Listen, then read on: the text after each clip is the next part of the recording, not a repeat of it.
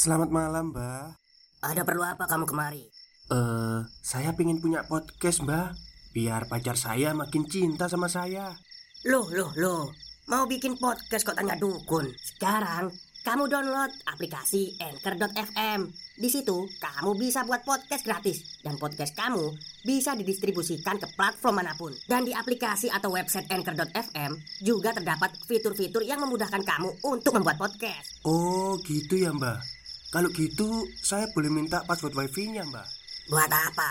Buat download Anchor.fm, Mbak.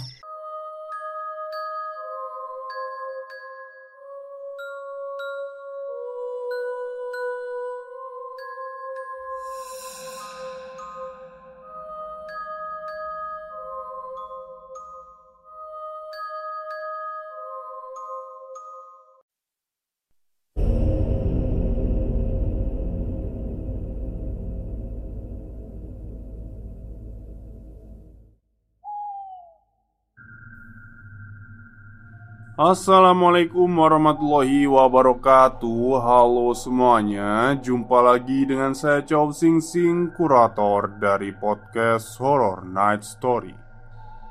Halo apa kabar semuanya? Semoga kalian semua sehat-sehat ya.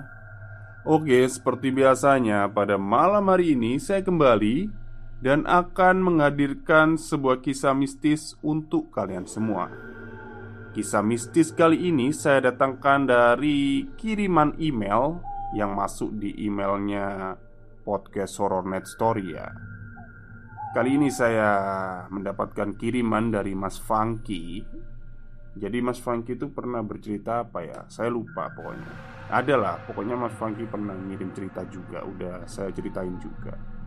Dan kali ini Mas Funky akan menceritakan traumanya ketika bertemu dengan uh, sesosok hantu yang membuat dirinya takut sampai sekarang. Oke, daripada kita berlama-lama, mari kita simak ceritanya. Assalamualaikum, halo Mas Joe Masih ingatkah aku? Aku Funky Yang waktu itu share ceritaku sekarang aku sudah siap buat share cerita yang buat aku trauma pulang malam.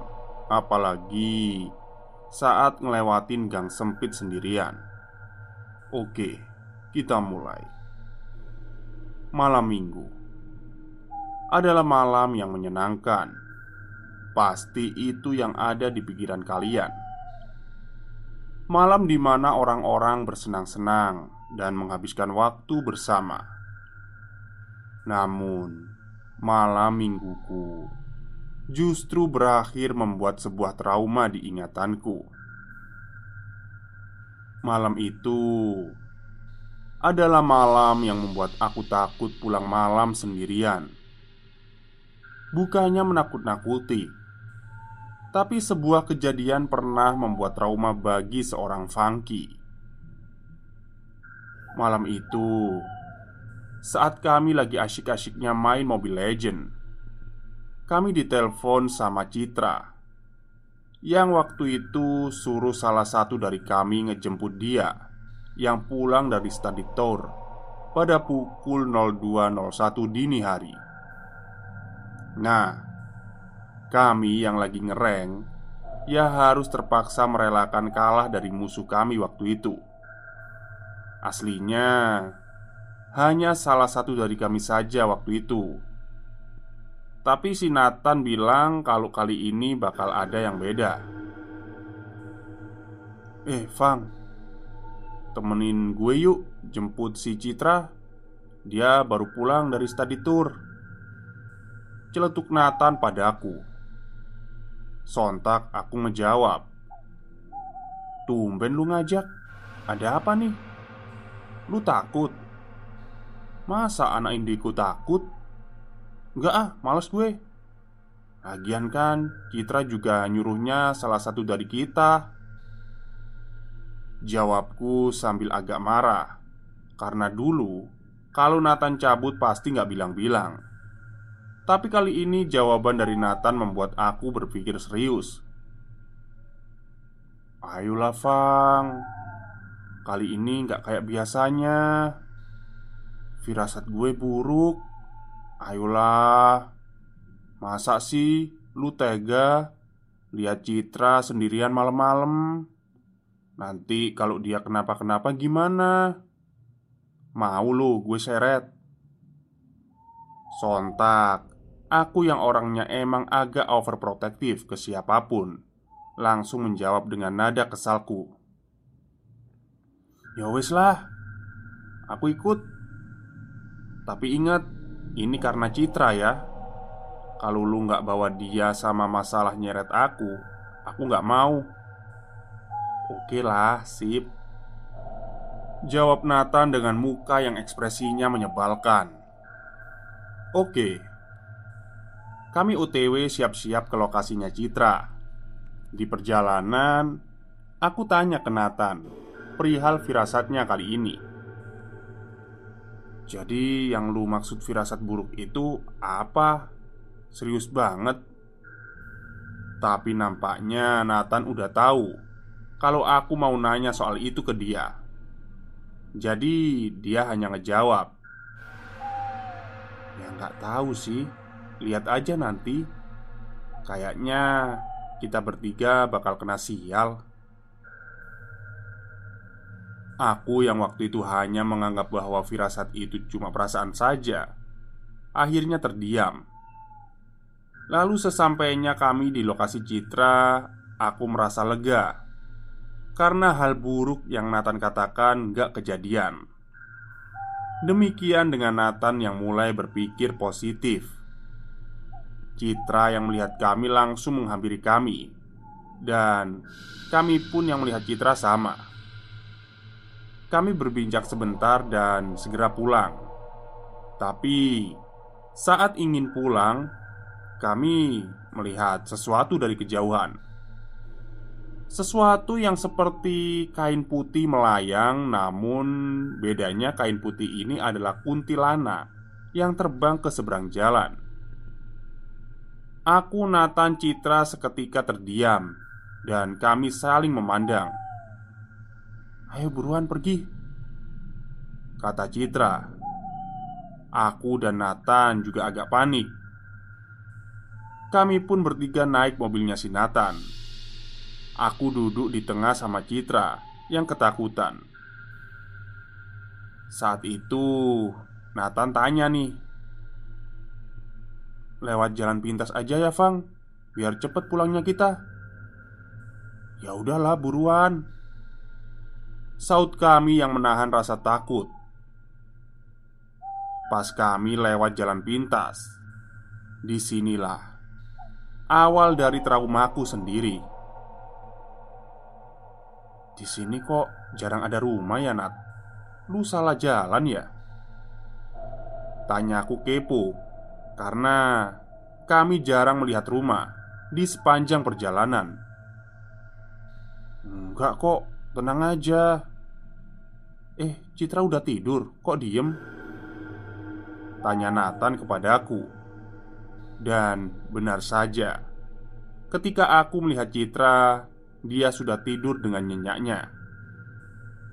Namun, baru beberapa saat aku ingin menyusul tidur. Tiba-tiba mobil Nathan berhenti. "Loh, udah sampai?"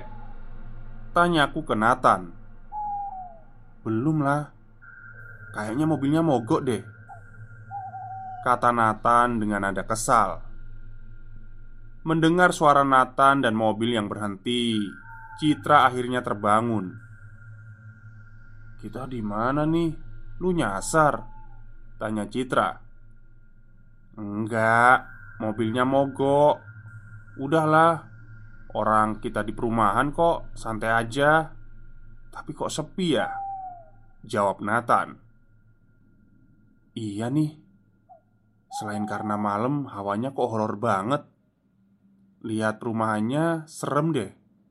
Jawabku Eh, itu ada mbak-mbak Gimana kalau kita tanya ke mbak-mbak itu Yang pakai mukena itu Tuh, yang ada di depan rumah Tanya, bengkel terdekat di mana?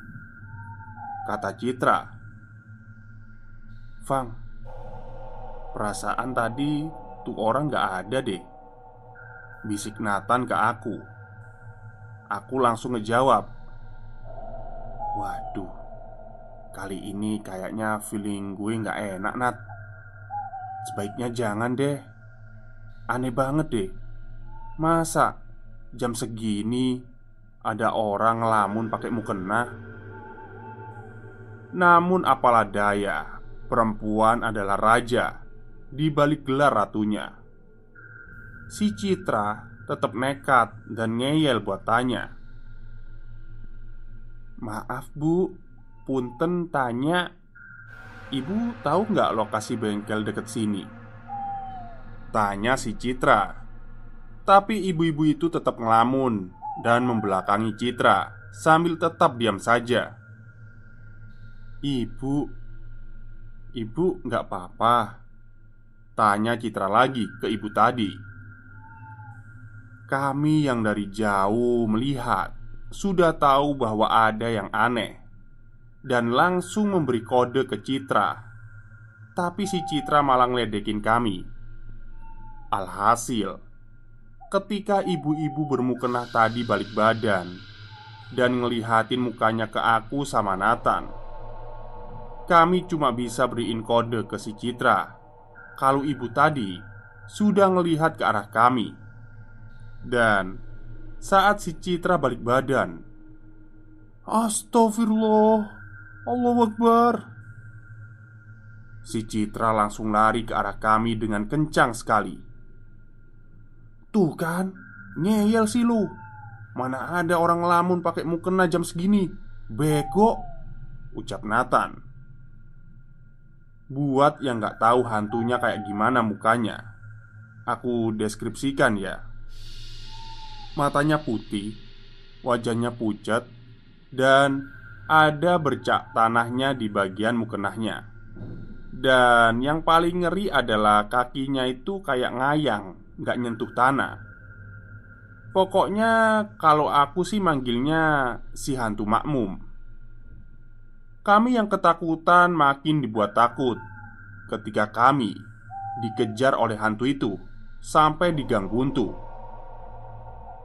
Anjing, mati kita cuk Gang buntu Kata Nathan ke aku dan Citra Kami waktu itu cuma pasrah dan menghadap dinding, menunggu waktu game over.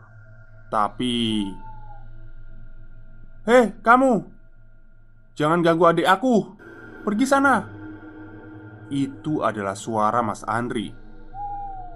"Kak, Citra takut, Kak!" teriak Citra ketakutan. Lalu, di punggungku aku ngerasa ada orang yang membelakangiku. Ren, itu lo kan? Ren, tolongin kami Ren Teriak aku sekuat tenaga Ya Allah, tolong datangkan kami pertolongan. Sementara Nathan sibuk mengulang doanya. Udah, diem Citra. Gak usah takut. Kakak bakal jagain kamu Jawab Mas Andri. Lalu si hantu makmum yang kesal pun pengen nyerang kita. Waktu itu Tapi nampaknya nggak bisa. Karena yang kita dengar cuma suaranya Mas Andri yang bilang Udah kok Dia udah pergi. Kami yang memberanikan diri melihat pun merasa lega. Tapi setelah itu dibuat tambah merinding ketika kami sadar bahwa Ren dan Mas Andri itu ternyata udah lama meninggal. Wow. Akhirnya kami pun tunggang langgang lari ke arah masjid setelah adzan awal berkumandang. Kami menceritakan hal itu kepada orang yang ada di masjid dan memang dibenarkan. Kalau malam memang si hantu itu suka keliling dan ganggu orang yang lewat. Dan konon katanya dulu itu ada perempuan yang nginep di masjid Terus Malam itu si perempuan ngecuri kotak amal di masjid itu Lah terus keciduk sama si perempuan ini Oh gini-gini maksudnya itu dulu itu ada perempuan nginep di masjid. Ini perempuan yang baik ya. Terus ada pencuri. Pencuri itu uh, datang buat nyuri kotak amal. Nah, setelah itu dikejar sama si perempuan ini. Nah, karena takut ketahuan, akhirnya si pencuri ini nekat ngebunuh si perempuan ini. Tapi sampai sekarang jasadnya itu nggak ditemuin. Eh, penjelasannya seperti itu ya, soalnya bahasanya agak ini. Tapi yang buat aku merinding adalah Ren dan Mas Andri. Mereka kan udah lama meninggal. Lalu yang tadi ngelindungin kami itu tadi siapa? Tapi pada akhirnya kami diantar pulang oleh Pak RT perumahan itu. Tapi ini adalah trauma terbesar kami. Sekian saya Fangki Darmawan, hati-hati di jalan. Oke.